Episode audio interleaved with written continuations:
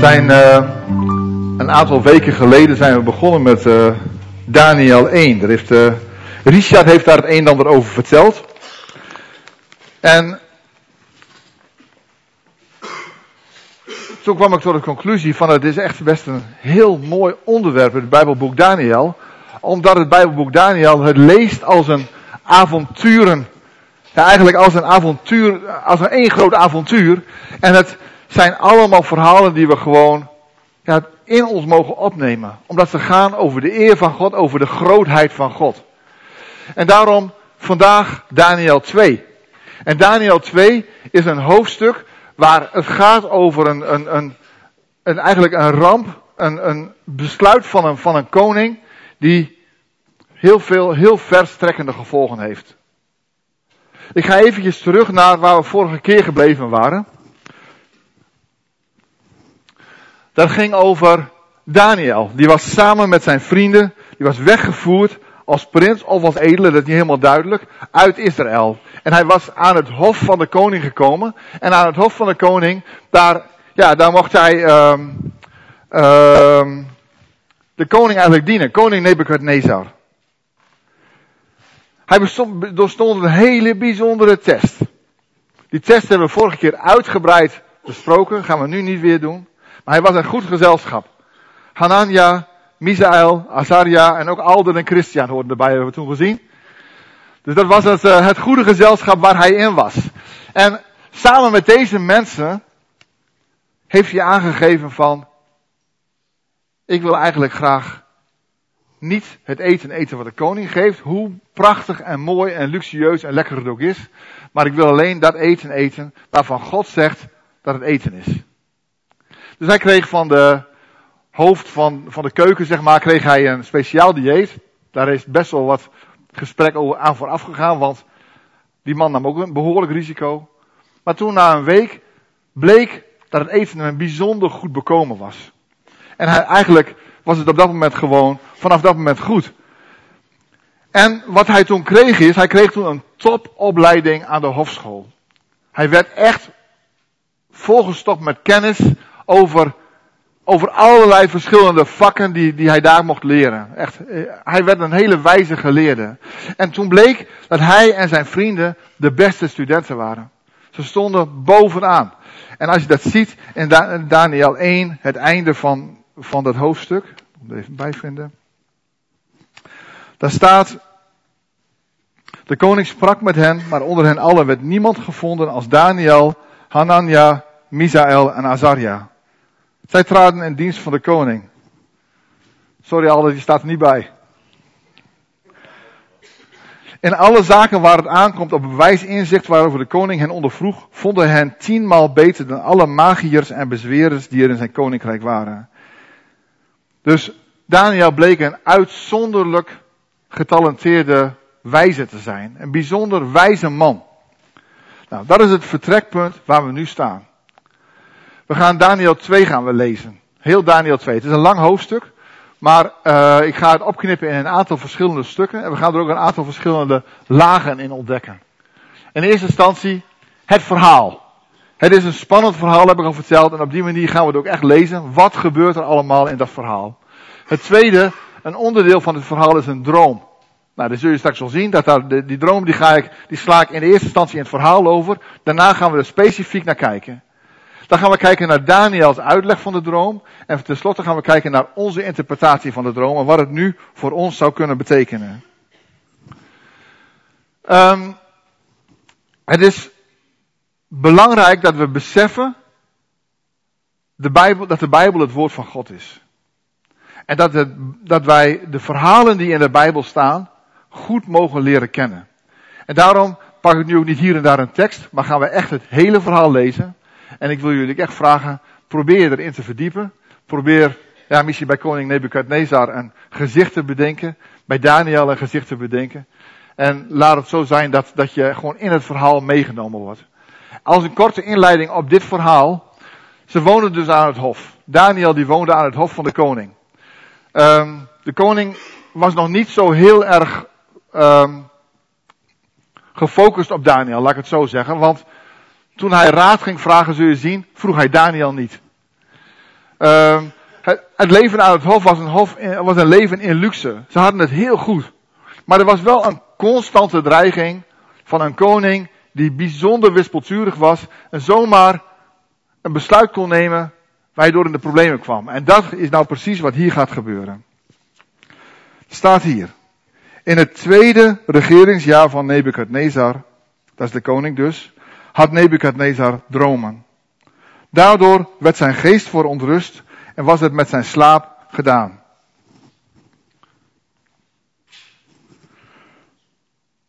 Toen zei de koning dat men de magiërs, de bezweerders, de tovenaars en de Galdeën moest roepen om de koning zijn dromen bekend te maken. Even hierover. Hier zie je vier verschillende benamingen staan. Magiërs, bezweerders, tovenaar en Galdeën. Waarschijnlijk is Galdeën gewoon een verzamelnaam van deze groep.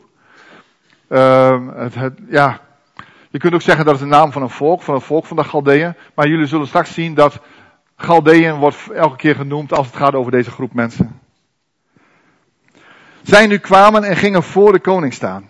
De koning zei tegen hen, ik heb een droom gehad en mijn geest is zo voor ontrust dat ik die droom wil weten. Het lijkt wel alsof hij die droom vergeten is. Hij zegt hier al, ik wil die droom weten. Niet, ik wil niet zozeer ik wil de uitleg weten, maar ik wil die droom weten. Nou, de, uh, toen spraken de Galdeën tot de koning in het Aramees, o koning, leef in eeuwigheid. Vertel uw dienaren de droom, dan zullen wij de uitleg ervan te kennen geven. De koning antwoordde en zei tegen de Galdeën, de zaak staat wat mij betreft vast. Als u mij de droom en de uitleg ervan niet laat weten, zult u in stukken worden gehouden en zullen uw huizen tot een mesthoop worden gemaakt. Maar als u de droom en de uitleg ervan wel te kennen geeft, zult u geschenken, een beloning en bijzondere eer van mij ontvangen. Daarom geef mij de droom en de uitleg ervan te kennen. Op zich zou het natuurlijk voldoende zijn als je zegt van je wordt onthoofd of je wordt doodgemaakt, maar hier wordt gezegd in stukken gehouden. Dat is een stapje verder. Dat is best wel heel gruwelijk. Die koningen van toen die waren niet zo mals wat dat betreft. En van die plek ook niet. Maar dit gaat nog een stapje verder. Want dit ging ook over um, hun godsbeeld. Als je in stukken gehouden werd, had je geen rust in het hiernamaals, zeg maar. Dat was een beetje het idee wat hierachter zit. Dus dit was echt een hele, hele, hele zware straf. En dat hun huizen dan tot een mesthoop zouden worden gemaakt. Die zouden helemaal verpulverd worden. Bleef, hun herinnering zou verdwijnen. Dat was eigenlijk wat, wat hier uh, zou gebeuren. Maar eigenlijk is de reactie van deze mensen dan wel best wel ontspannen. Of ontspannen, in ieder geval beheerst. Misschien is dat een beter woord. Zij antwoorden voor de tweede keer en zeiden, laat de koning aan zijn dienaren de droom vertellen. Dan geven wij de uitleg ervan te kennen. De koning antwoordde en zei, ik weet zeker dat u tijd probeert te winnen, omdat u ziet dat de zaak wat mij betreft vaststaat. Als u mij de droom niet laat weten, dan is er voor u maar één vonnis. U hebt met elkaar afgesproken om een leugenachtig en bedriegelijk woord tegen mij te zeggen, totdat de tijd zou veranderen. Daarom, vertel mij de droom. Dan weet ik dat u mij ook de uitleg ervan te kennen kunt geven. De Galdeën antwoordden in tegenwoordigheid van de koning en zeiden, er is geen mens op de aardbodem die de zaak van de koning te kennen zou kunnen geven. Daarom is er ook geen koning, hoe groot of machtig ook, die een zaak als deze gevraagd heeft van welke magiërs, bezweerder of galdeer dan ook. Want de zaak waar de koning om vraagt is te moeilijk. Er is niemand anders die het in de tegenwoordigheid van de koning te kennen kan geven dan de goden die hun verblijf niet bij de schepselen hebben. Gewoon een stapje te groot. ik denk dat zij hier best wel een heel helder punt neerzetten. Deze mensen zeggen gewoon, dit kan niet. Dit kan geen mens. Dit kunnen wij niet. De enige die dit kan doen, dat zijn de goden. En ze hadden het zo ongelooflijk bij het goede eind. Hierdoor werd de koning woedend en zeer verbolgen. En hij beval dat men al de wijzen in Babel om moest brengen. De wet ging dan uit. Dus er werd echt een wet voor uitgeschreven. Dat de wijzen ter dood gebracht moesten worden. En men zocht ook Daniel en zijn vrienden om ter dood gebracht te worden. Toen wendde Daniel zich met raad en verstandiger geworden tot Arioch. Dus blijkbaar heeft hij even gezocht naar hoe kan hij er nou het beste vragen en zeggen, want dit is best wel een precair onderwerp om te bespreken. Het hoofd van de lijfwacht van de koning, die was uitgetrokken om de wijze van Babel te dood te brengen. Hij nam het woord en zei tegen Arioch, de bevelhebber van de koning, waarom is dit bevel van de koning zo overhaast uitgegaan? Toen liet Arioch Daniel de zaak weten. Toen trad Daniel binnen en verzocht de koning of hij hem een bepaalde tijd wilde gunnen om aan de koning de uitleg te kennen te geven. Best heel spannend. Hij is dus gewoon naar de koning toe gegaan. En dat kon ook, dat, dat op zich al kon hem zijn leven kosten. Hij ging er gewoon naartoe en hij zei van, koning, zou ik nog eventjes een beetje meer tijd mogen krijgen, want dit gaat me iets te snel.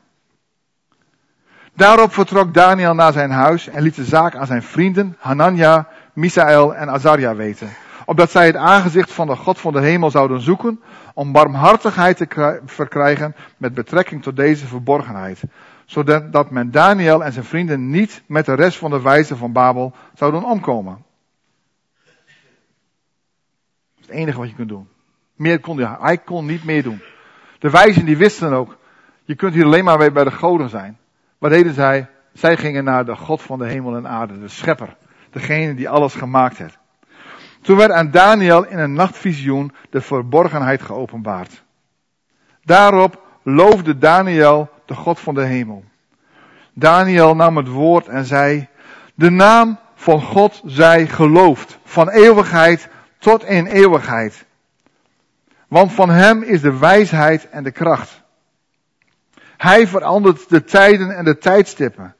Hij zet koningen af en stelt koningen aan. Hij geeft wijsheid aan wijzen, de kennis aan wie verstand hebben. Hij openbaart diepe en verborgen dingen. Hij weet wat in het duister is, want het licht woont bij hem.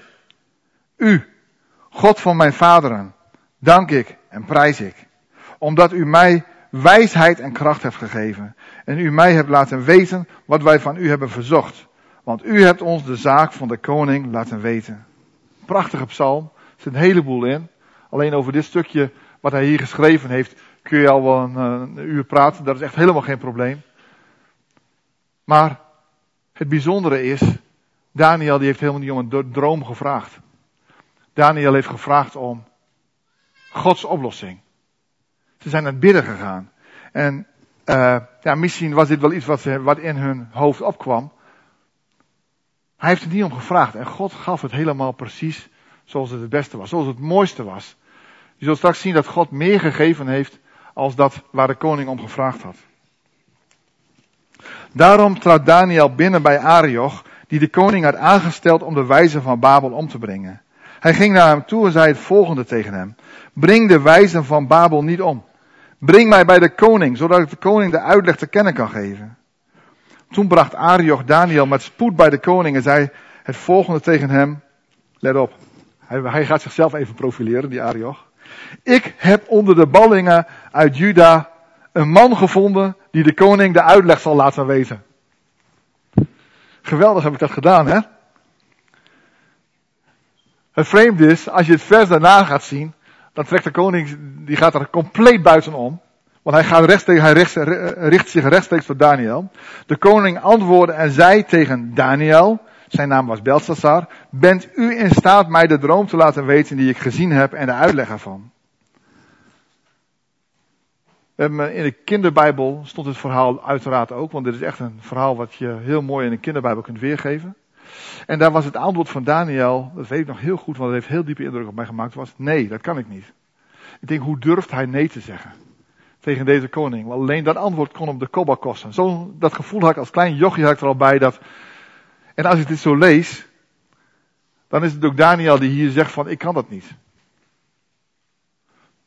Maar hij was in gesprek met de koning. Daniel antwoordde in de tegenwoordigheid van de koning en zei, de verborgenheid die de koning vraagt, kunnen wijzen, bezwerers, magiërs en toekomstvoorspellers de koning niet te kennen geven. Maar er is een God in de hemel die verborgenheden openbaart. Hij heeft koning Nebukadnezar laten weten wat er in later tijd gebeuren zal.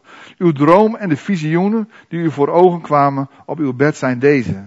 Terwijl u, koning, op uw bed lag, kwamen er gedachten in u over wat hierna zal gebeuren. En hij die de verborgenheden openbaart, heeft u laten weten wat er gebeuren zal. Bijzonder hè? Hij begint bij de gedachten. Niet eens bij de droom, hij begint bij de gedachten. Dus de koning heeft liggen piekeren op bed, daarna is er een droom gekomen. En die droom, hij zegt die droom en die gedachten, die hebben met elkaar te maken. Ik sla de droom nu over. En ik ga naar vers 46. Daar staat, toen wierp koning Nebukadnezar zich met het gezicht ter aarde en aanbad Daniel. Jongen, dat was het gevolg, dat was het resultaat. Hij heeft dus een droom verteld. En de uitleg heeft hij verteld. En blijkbaar was de koning zo onder de indruk. dat hij nog verder ging als wat hij gezegd had. Beloning en eer. En uh, drie dingen die hij. Uh, even kijken hoor. Geschenken, een beloning en bijzondere eer. Hij ging hem zelfs aanbidden. Hij ging hem aanbidden. Er werd reukwerk gebracht. En hij beval dat men hem een offergave en aangenaam reukwerk zou brengen. Hoe Daniel daarop gereageerd heeft, weet, weet ik niet, staat er ook niet bij. Maar het was dus wel echt heel indrukwekkend voor de koning. En de koning antwoordde Daniel en zei, waarlijk uw God is de God der goden en de Heer der koningen. Hij openbaart verborgenheden, zodat u deze verborgenheid kon openbaren. Toen bevorderde de koning, da toen bevorderde de koning Daniel. Hij gaf hem vele grote geschenken en stelde hem aan als heerser over heel het gewest Babel en als hoofd van alle machthebbers over alle wijzen van Babel omdat Daniel de koning daarom verzocht, stelde hij Sadrach, Mesach en Abednego aan, aan over het bestuur van het gewest Babel. Daniel bleef echter in de poort van de koning. Dat was het verhaal. Het verhaal is dus echt goed afgelopen, een happy end. Het is zo dat Daniel begon als een briljante student. Uh, maar onopvallend. En nu is hij echt, ja, commissaris van de koning geworden, zo kun je het zeggen. Hij heeft een hele hoge functie gekregen en zijn vrienden ook. Dus dit is het gevolg van een onmogelijke situatie zonder oplossing. God die maakt het zo groot dat hij op deze plek terechtkomt. Maar nu de droom. De droom, waar gaat het over? Daarvoor lezen we vers 31 tot 35. Het is een vrij korte droom. Ik begin bij vers 30. Mij nu, aan mij is deze verborgenheid geopenbaard, niet door een wijsheid die in mij is boven alle levenden, maar daarom dat men de koning de uitleg ervan zou laten weten en dat u de gedachten van uw hart zou weten. U, o koning, keek toe en zie, een groot beeld Dit beeld was hoog. De glans ervan uitzonderlijk. Het stond voor u. De aanblik ervan was schrikwekkend. Het hoofd van dit beeld was van goed goud. Zuiver goud. Zijn borst en zijn armen waren van zilver. Zijn buik en zijn dijen waren van brons. Zijn benen van ijzer. En zijn voeten gedeeltelijk van ijzer, gedeeltelijk van leem. Leem, dat wordt ook veel, een stukje verderop wordt, wordt gezegd leem als van een pottenbakker, oftewel gewoon klei. Pottenbakkersklei. Dus ijzer, ik, dacht, ik dacht eerst van, hey, je kunt het vergelijken met gewapend beton. Maar ik denk dat je dit toch anders moet zien, want ijzer en leem ijzer en klei, dat hecht niet aan elkaar. En beton en betonijzer, dat zit behoorlijk vast aan elkaar. Dus het is echt wel een andere samenstelling. Dit is, dit is wel een heel zwak fundament voor een heel groot beeld. Daar komt het op neer. Hier keek u naar totdat er, niet door mensenhanden, een steen werd afgehouden. Die trof dat beeld aan zijn voeten van ijzer en leem en verbrijzelde die. Toen werd het ijzer, het leem het brons, het zilver en het goud tegelijk verbrijzeld. Ze werden als kaf op een zomerdorsvloer. Dus echt stof. De wind waait erover, het is weg. De wind voerde ze weg, zodat er geen spoor van teruggevonden werd. Maar de steen die het beeld getroffen had, werd tot een grote berg en vulde heel de aarde. Dit is de droom. Dit is de droom van de koning en dit is de droom die Daniel dus ook gekregen heeft.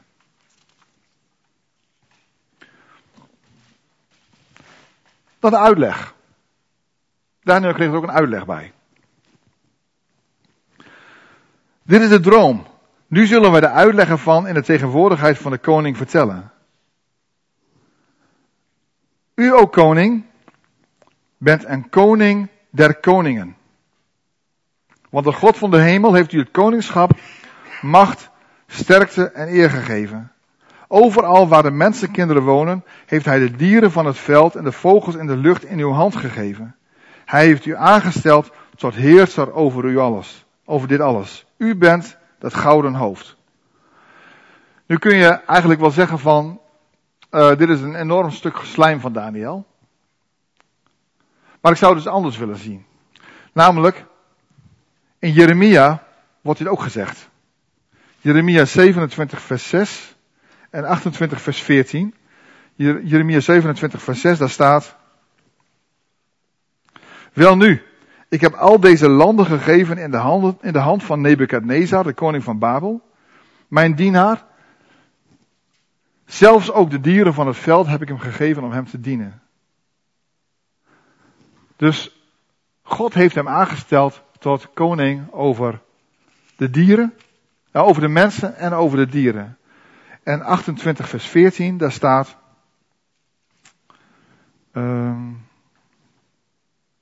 want zo zegt de Heere van de legermachten, de God van Israël, ik heb een juk van ijzer gelegd op de nek van al deze volken, om Nebukadnezar, de koning van Babel, te dienen. En zij zullen hem dienen. Ja, ik heb, ik heb hem ook de dieren van het veld gegeven.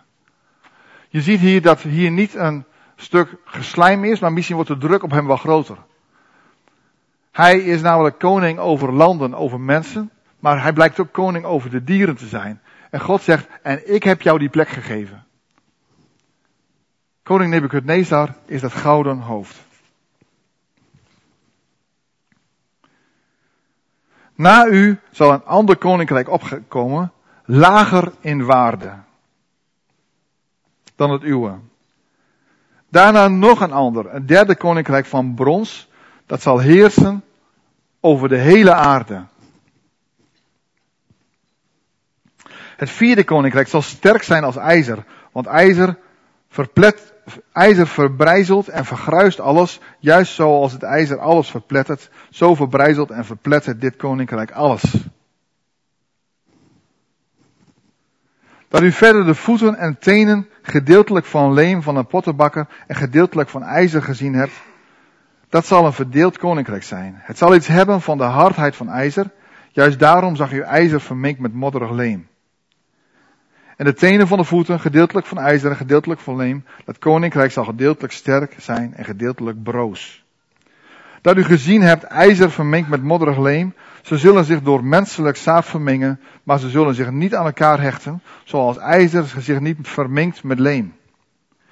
In de dagen van die koningen zal de God van de hemel echter, dus al deze koningen, dus praat je over dit beeld, als, als dit beeld staat ten tijde van die koningen, zal de God van de hemel echter een koninkrijk doen opkomen dat voor eeuwig niet te gronden zal gaan en van, waarvan de heerschappij niet op een ander volk zal overgaan. Het zal al die andere koninkrijken verbrijzelen en teniet doen, maar zelf zal het voor eeuwig stand houden. Daarom hebt u gezien dat niet door mensenhanden uit de berg een steen werd afgehouden die het ijzer, het brons, het leem, het zilver en het goud verbrijzelde. De grote God heeft de koning laten weten wat er hierna zal geschieden. De droom is waar en de uitleg ervan is betrouwbaar. Dit was de droom en de uitleg. Maar goed, waar praten we nu over? We hebben het over een, een Bijbelgedeelte. Waar op schrift is gezet ongeveer 800 voor Christus. In de tijd van de koning van Babel. En het gouden hoofd wordt gezegd van, dit bent u, o koning van Babel. Oftewel, dit is het rijk van, van Babel. Daar gaan wij er naar kijken. En ik heb een heel aantal uh, commentaren op, uh, op nageslagen.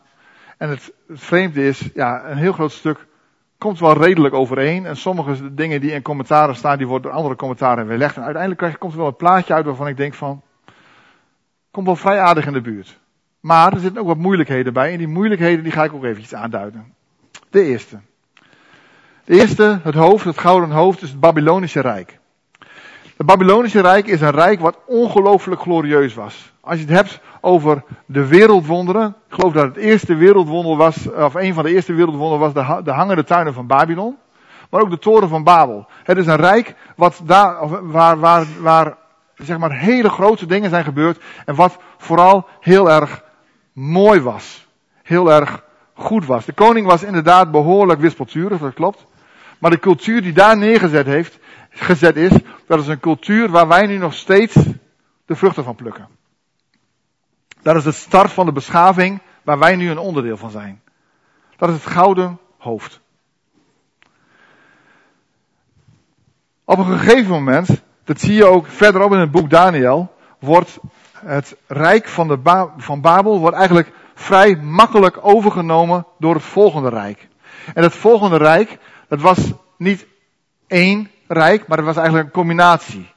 Meden en de Persen. Je ziet ook dat inderdaad bij Daniel, als hij naar de leeuwenkuil gaat, Daniel 6, dat gaan we er over drie weken over hebben. 6 november geloof ik, of ik veel, nee, 9 of 12 november gaan we het daarover hebben, Daniel 6. Um, ehm, dan zie je dat er een wet is van de Meden en Persen die niet herroepen kan worden. Het rijk, dat is het rijk van de Meden en de Persen. Daar is, um, die, die, die, die baseren hun cultuur als het ware op dat van, van Babylon, van Babel. Maar de glans is er een beetje af. Het is meer een, zeg maar, een imperium geworden. Een, een koninkrijk, een, een machtbolwerk. Dan komt de volgende. En dat is het Bronzen Rijk, het Griekse Rijk. Je ziet dat het Babylonische Rijk, dat is van goud. Het Medo-Persische Rijk is van zilver. Dat zijn geen metalen waar je wapens van maakt. Brons wel. Dat is het Griekse Rijk. Het Griekse Rijk, dat is het rijk wat de hele wereld eigenlijk veroverd had. Vanaf India tot eigenlijk een heel deel van Europa. Zover als men kon komen, zover als men kon weten op dat moment, kon beïnvloeden, was het Griekse Rijk. Een rijk met heel veel um, dingen die wij, waar wij nu veel gebruik van maken. Onze wetenschap is gebaseerd op de Griekse wijsheid, Sophia. Daar is onze wetenschap op gebaseerd, nu nog steeds. Ons schrift is gebaseerd op het Griekse schrift. Het lezen en schrijven hebben we van hen geleerd. Kun je ook zien, het, uh, het materiaal brons, is, dat, dat roest eigenlijk niet. Het kan wel, er kan wel een aanslag komen, maar doorroesten gebeurt niet. In andere vertalingen zie je koper staan. Koper is ook heel erg bestendig, kan heel lang goed blijven. Dan komt het volgende rijk, het Romeinse Rijk. En het Romeinse Rijk, ja, dat was een verpletterend rijk. Dat was een rijk wat eigenlijk over lijken ging op alle fronten. Hun legers waren beroemd en berucht. Ze zijn ver tot in Afrika gegaan. Ze hebben heel grote stukken van, Europa ingenomen. Ze hebben het hele Griekse Rijk hebben ze ingelijfd. En dat is eigenlijk de volgende beschaving geworden. En dan komt het probleem. De voeten van ijzer en leem. Kun je van alles van bedenken. Je kunt zeggen, het ijzer wat erin zit, dat is eigenlijk het ijzer wat ook al in het Romeinse Rijk zat. Dus het Romeinse Rijk is een beetje weggeëpt. En er is van alles omheen gekomen. En we zitten nog steeds in de uitlopen van het Romeinse Rijk. Is wat van te zeggen. Zou kunnen. Je zou kunnen zeggen, het is, ja, de, het is de westerse wereld, de westerse maatschappij. Dat zou ook kunnen. Dat je zegt van oké, iets van die hardheid, want er zit, in de westerse maatschappij zit veel hardheid, zit in deze maatschappij. In dit rijk. Maar de broosheid, de verdeeldheid in onze westerse maatschappij is ook enorm. Kijk alleen als naar de talen. Elk land heeft zijn eigen taal. Er is geen eenheid in. En op het moment dat je gaat kijken van we willen graag een stukje eenheid, dan moet je met elkaar om tafel. En je komt er eigenlijk nooit echt uit. De besluiten die in Brussel genomen worden zijn altijd van die besluiten dat je denkt van ja, geen hele duidelijke richtinggevende besluiten. De algemene dingen, daar kom je samen wel uit. Maar zo gauw het specifiek wordt, dan wordt het lastig. Eenheid is ver te zoeken. De Romeinse Rijk, of de, het, eh, de, de Europese Unie zou prima kunnen zijn. Er wordt ook gezegd, het is Amerika en uh, uh, Engeland. Een schijneenheid. Zou ook kunnen. Er wordt gezegd, gezegd, we moeten wachten op de herstel van het Romeinse Rijk.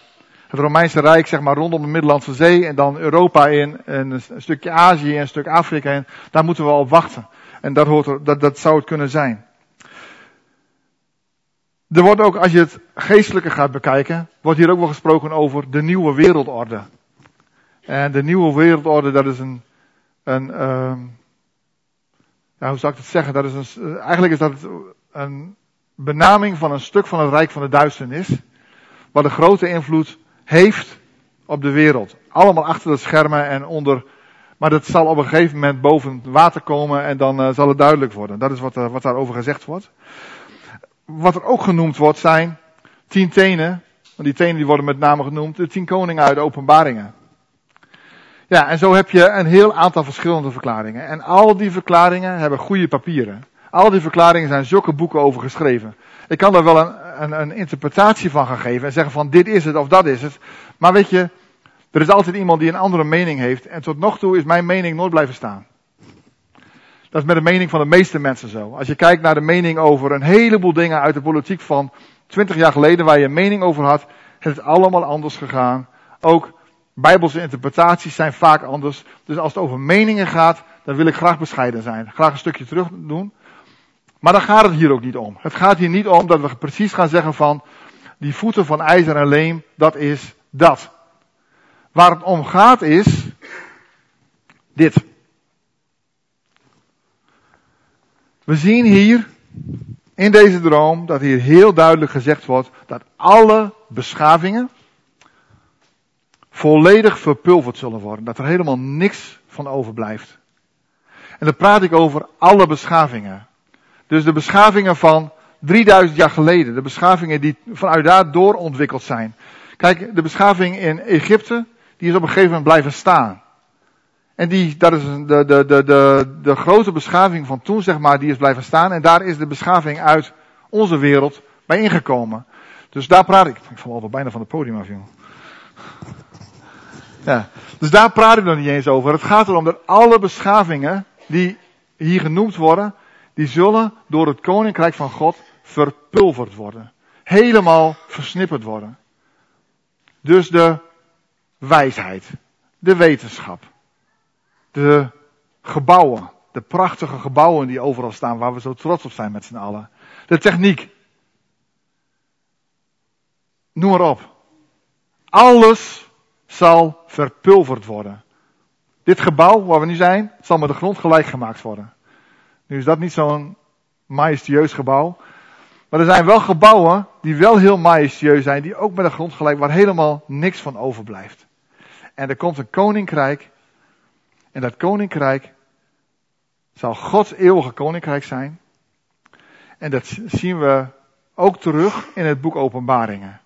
Daar zien we dit helemaal beschreven. We zien dat God op een gegeven moment de hemel zal oprollen als een boekrol. En dat alles op aarde met vuur verbrand zal worden. En dat de nieuwe hemel en de nieuwe aarde zullen komen waar Gods vrede heerst, waar het nieuwe Jeruzalem staat. Dit is wat God aan ons belooft. Dit is wat hij aan Daniel bekend maakte. Wat hij op die manier aan de koning van, um, de koning van Babel mocht uitleggen. En wat, wat mij, voor mij hierin heel belangrijk is, is dat we niet, dat we nu al kunnen zeggen hoe het gaat worden. Want dat kunnen we niet. We kunnen de tijd niet bepalen. We kunnen niet precies zeggen van zo gaat het, omdat elke uitleg hiervan goede papieren heeft.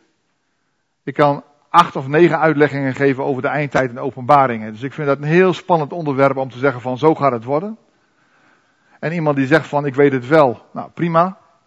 Laat ik staan, ga ik verder niks van vinden. Ga ik ook niet in mee.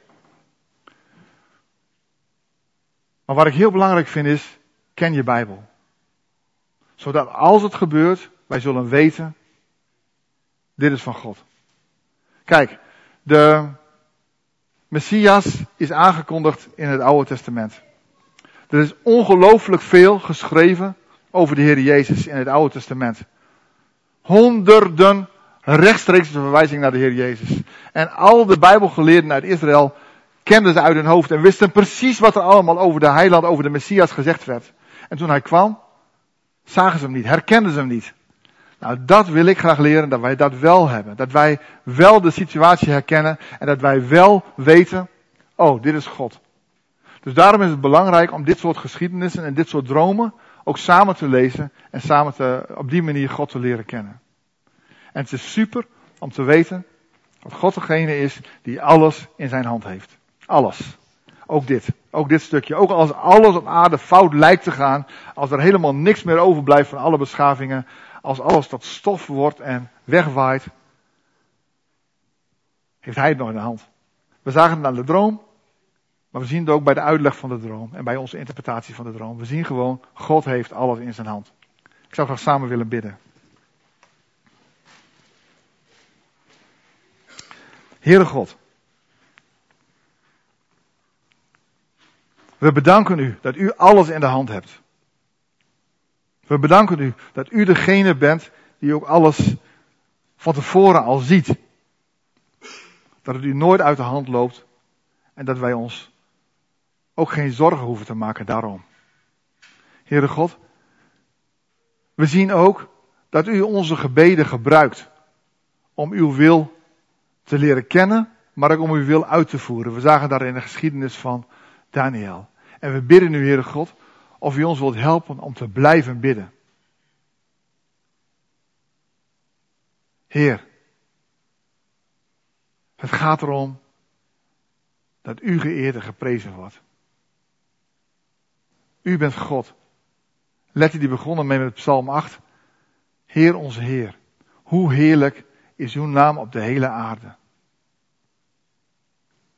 Heere God. Hebben pas samen gebeden voor de vrede van Jeruzalem. Het is uw wil dat we ervoor bidden. Het is uw wil, Heere God, dat uw volk beschermd is. Dat uw volk het goed heeft. Dat uw volk in vrede zal leven. En daarom, Heere God, bidden wij u daarvoor. We bidden u ervoor, Heere God, dat uw kerk weer zal herstellen. Dat uw uh, bruid weer zal opbloeien. We bidden u ervoor, Heere God, dat de mensen die hier in deze regio wonen, in de Eems Delta, daar bidden we nu met name voor, dat zij uw liefde zullen ontmoeten. Dat zij u zullen leren kennen en zich weer over gaan geven aan u, zoals 150 jaar geleden volledig het geval was. Heere God, we leggen zo alles in uw hand. En we bedanken u ervoor dat het u nooit uit de hand loopt. We eren en aanbidden u, want u bent God. U bent goed. Heilig, heilig, heilig bent u, Heer van de hemelse legers. Heel de aarde is vol van uw heerlijkheid. Halleluja. Amen.